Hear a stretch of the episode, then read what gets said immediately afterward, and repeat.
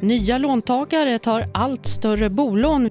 När priser rusar på det här sättet då bör man vara väldigt, väldigt försiktig. Experterna spådde att huspriserna skulle rasa under pandemin. Men nu varnar de för att bostadsmarknaden är överhettad.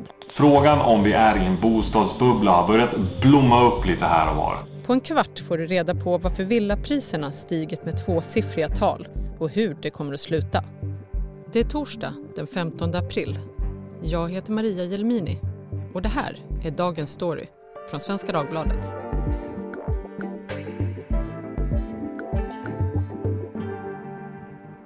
Louise Andrén Meiton är nyhetschef på SvD Näringsliv. Ja, Louise, om jag då för ett år sedan skulle ha sagt till dig att villapriserna fram till idag skulle öka tvåsiffrigt, vad hade du svarat mig då?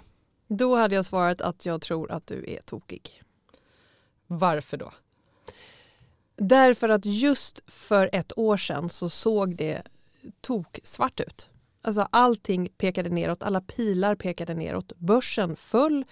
Det var eh, åtgärd efter åtgärd från eh, världens centralbanker, också svenska riksbanken. Och Finansinspektionen gick ut i det här och meddelade att man kunde få paus med amorteringskravet. Så då fanns det väldigt lite som tydde på att bostadspriserna skulle stiga. Precis, mäklare spådde en kraftig inbromsning. Bankerna var plötsligt ganska restriktiva med lån. Eh, men eh, det blev inte den här dippen som man hade trott. Nej men det var ju en tuff period under våren. Men det som jag tror har överraskat många är att ekonomin har återhämtat sig. Uh, och då ska man också säga att det är såklart att inte hela ekonomin har återhämtat sig.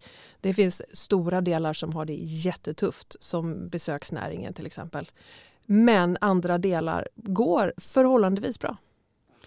Men om vi då tittar på bostadspriserna, då har ju priserna tickat upp länge, alltså många år. Eh, vi har haft eh, en lång period med extremt låga räntor, eh, bostadsbrist med framförallt eh, väldigt få villor som man har byggt. Vi har haft en stark börsutveckling, stark privatekonomi.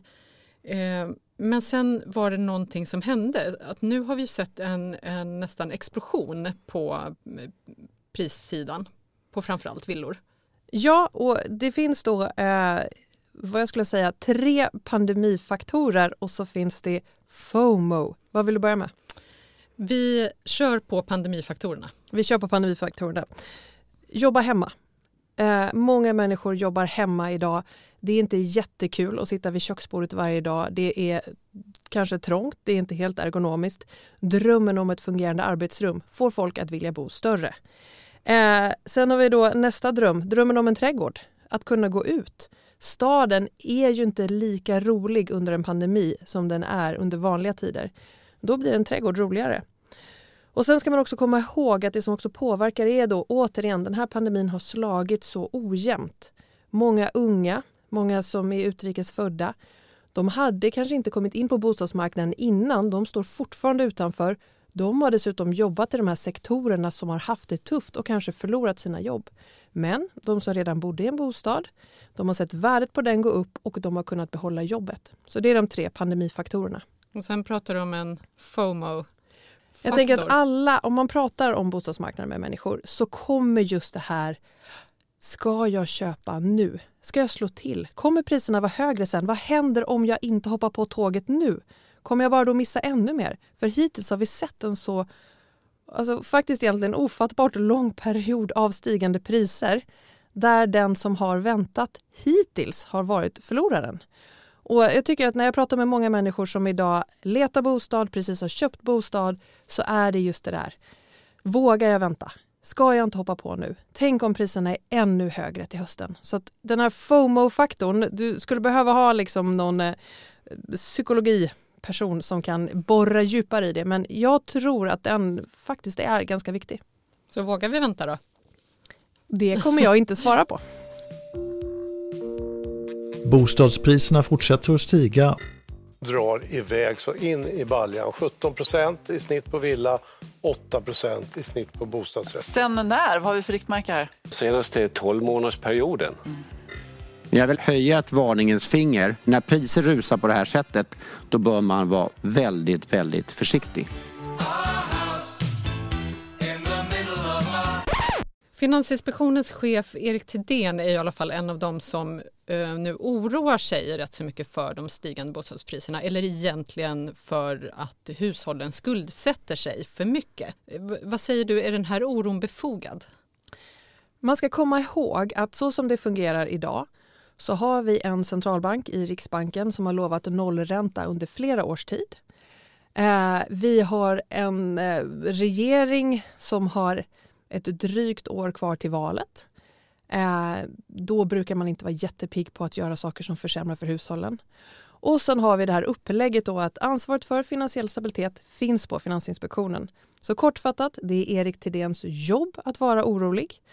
Eh, och skulderna, de är inte mindre än igår. De fortsätter att öka och då är det rimligt att hade jag varit i hans position så hade jag också varit orolig. 2016 införde Finansinspektionen ett amorteringskrav på minst 1 per år för alla som lånade 50% eller mer av bostadens värde.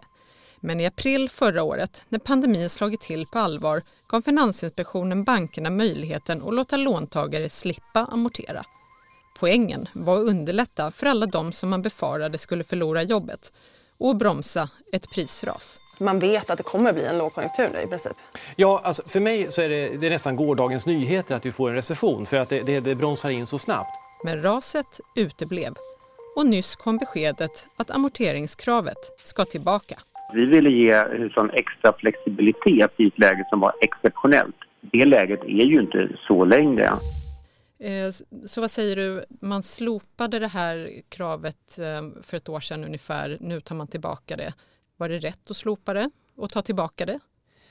Ehm, just där och då så föreföll det helt rimligt att de människor som kände att de inte hade utrymme att kunna amortera skulle kunna få ta en paus.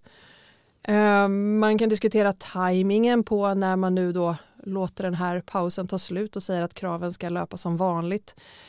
Ehm, jag tror att hösten kommer bli spännande eh, och det som var intressant att se var att det här beskedet från Finansinspektionen att de skulle liksom låta kraven rulla som vanligt från hösten. Det var väldigt väntat att det skulle komma men det var ett jättestort läsarintresse ändå när det väl kom. Hur blev reaktionerna? Ja, men och lite olika håll. Eh, då som sagt, dels ett stort läsarintresse, för jag tror att många människor då påmindes om att kraven finns. De som kanske just nu letar bostad fick tänka, just det, amorteringskraven, hur var det de funkade? Hur skulle det påverka mig? Eh, men sen så ser man också någon form av spel bland alla aktörer i bostadsmarknaden. Eh, vi har rapporterat om bankchefer som nu kommer ut och säger nej men vänta lite nu här, ska vi återinföra kraven precis så som de är? Borde vi inte ändra det här eller tweaka det här eller förändra det här? Så att jag tror att debatten om amorteringskraven är långt ifrån över. Om man då tittar på åtgärder från Finansinspektionen, kan man förvänta sig att det kommer någonting mer från dem? När jag har pratat med Finansinspektionen så är signalen att det inte är att vänta nu Eh, med det sagt, eh, jag, jag, tror helt enkelt att de vill eh, se vad som händer när amorteringskraven återinf- liksom kommer tillbaka i höst. Men med det sagt eh, så är det ju på deras, det är på deras axlar att agera vid behov. Så jag gissar att de också sitter och analyserar vad de skulle kunna göra om det skulle behövas. Så vi har pratat om Finansinspektionen, ehm, vi har Riksbanken och räntorna men vi har också Finansdepartementet och Magdalena Andersson. Om det nu finns den här genuina oron för att vi belånar oss för mycket, finns det ingenting som hon skulle kunna eller vilja göra?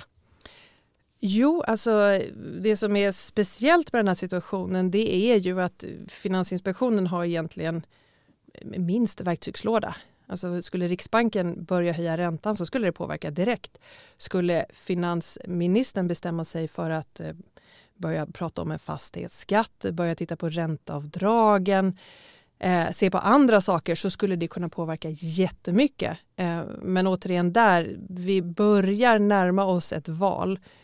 Den finansminister eh, som då börjar prata om sådana här saker som hushållen inte vill ha, ja, den har jag inte hittat ännu. Oftast så brukar de prata om det när de har lämnat sitt jobb som finansminister.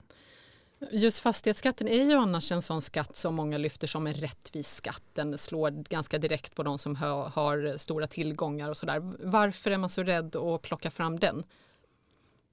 För att den var så impopulär när den fanns. Den var så hatad av så många. Det fanns så stark lobbying mot den. Jag tror till och med att Magdalena Andersson många gånger har sagt att... Jag är ekonom. Alltså, som alla ekonomer så ser man ju att, att det finns poänger med att ha en fastighetsskatt. Men jag är också politiker och där kan jag konstatera att fastighetsskatten som den var utformad då, den var ju så impopulär. Som ekonom så ser hon ju att den skatten är bra. Men inte som finansminister. Inte för att locka väljare direkt? Jag tror inte att en fastighetsskatt skulle vara en valvinnare när Sverige röstar 2022. Häromdagen spådde finansminister Magdalena Andersson en ljus framtid för svensk ekonomi med en tillväxt på 3,2 procent i år och 3,8 nästa. Det där bådar ju gott för eh, framtiden nu när fler och fler kommer bli vaccinerade och ekonomin kan återstarta igen. Men flera ekonomer menar att den kommer att bli högre. För det har strösslats med pengar under pandemin i Sverige och utomlands. Nyligen presenterade Joe Biden ännu en del i USAs största stödpaket sedan depressionen. Our rescue plan also includes immediate relief to Americans hardest hit. En infrastruktursatsning på 2 000 miljarder dollar som ska ge miljoner med nya jobb. Innan dess utlovades 1 900 miljarder dollar pengar som till stor del går rakt ner i amerikanernas fickor. The people who need it the most.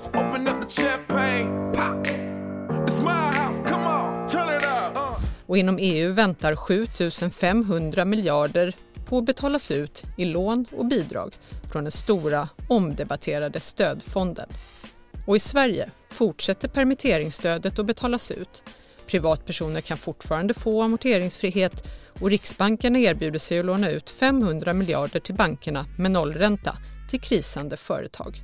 Men frikostigheten kan ha en baksida.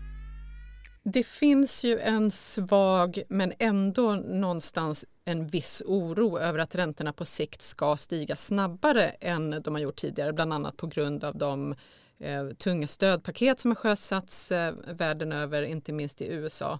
Eh, vad säger du, borde vi räkna med högre räntor framöver? Det här är en svår fråga att svara på. Um, det som händer i USA där finns det ju en verklig oro för inflation. Eh, inte minst efter de då stora stimulanspaketen som just nu drivs igenom. Eh, där förväntar sig många att inflationen ska stiga. Eh, situationen i Sverige är ju lite annorlunda. Men jag har också lärt mig under alla år som ekonomireporter att som sagt, ett år sedan hade du sagt till mig då villapriserna tvåsiffrigt upp så hade jag sagt så här, nej nej Maria, nej, nej, kanske ner faktiskt. Så att jag vågar inte säga det. Inflationsspöket ser ut att vara liksom gömt ner långt in i en garderob, men vem vet, jag vågar inte säga. Jag jobbade som ekonomijournalist eh, på SvD Näringsliv för eh, runt 15 år sedan och skrev en rad artiklar om att nu eh, är det en bubbla och nu är toppen nådd och nu kommer det rasa. Sen har vi haft en ganska stabil ökning ända sedan dess. Men om man tittar på bopriserna, hur, hur har utvecklingen varit? När har man kunnat se hack i den här kurvan ändå? Jo men det har det klart varit. Det, är, det var hack under eh, finanskrisen 2008 där.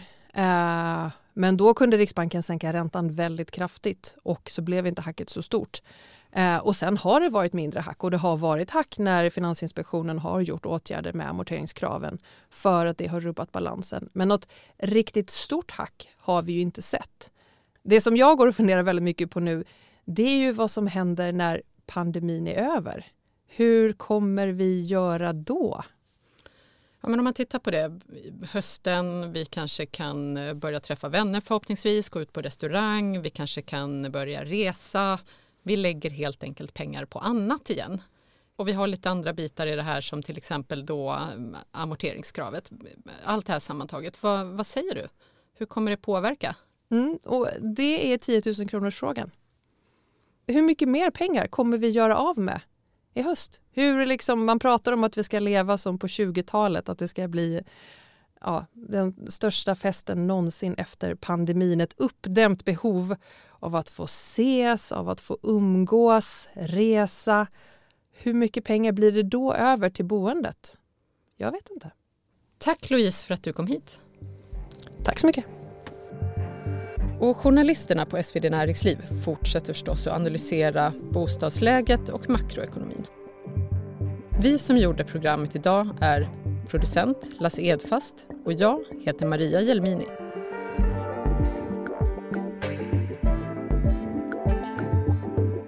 Du har lyssnat på Dagens Story, 15 minuter varje vardag.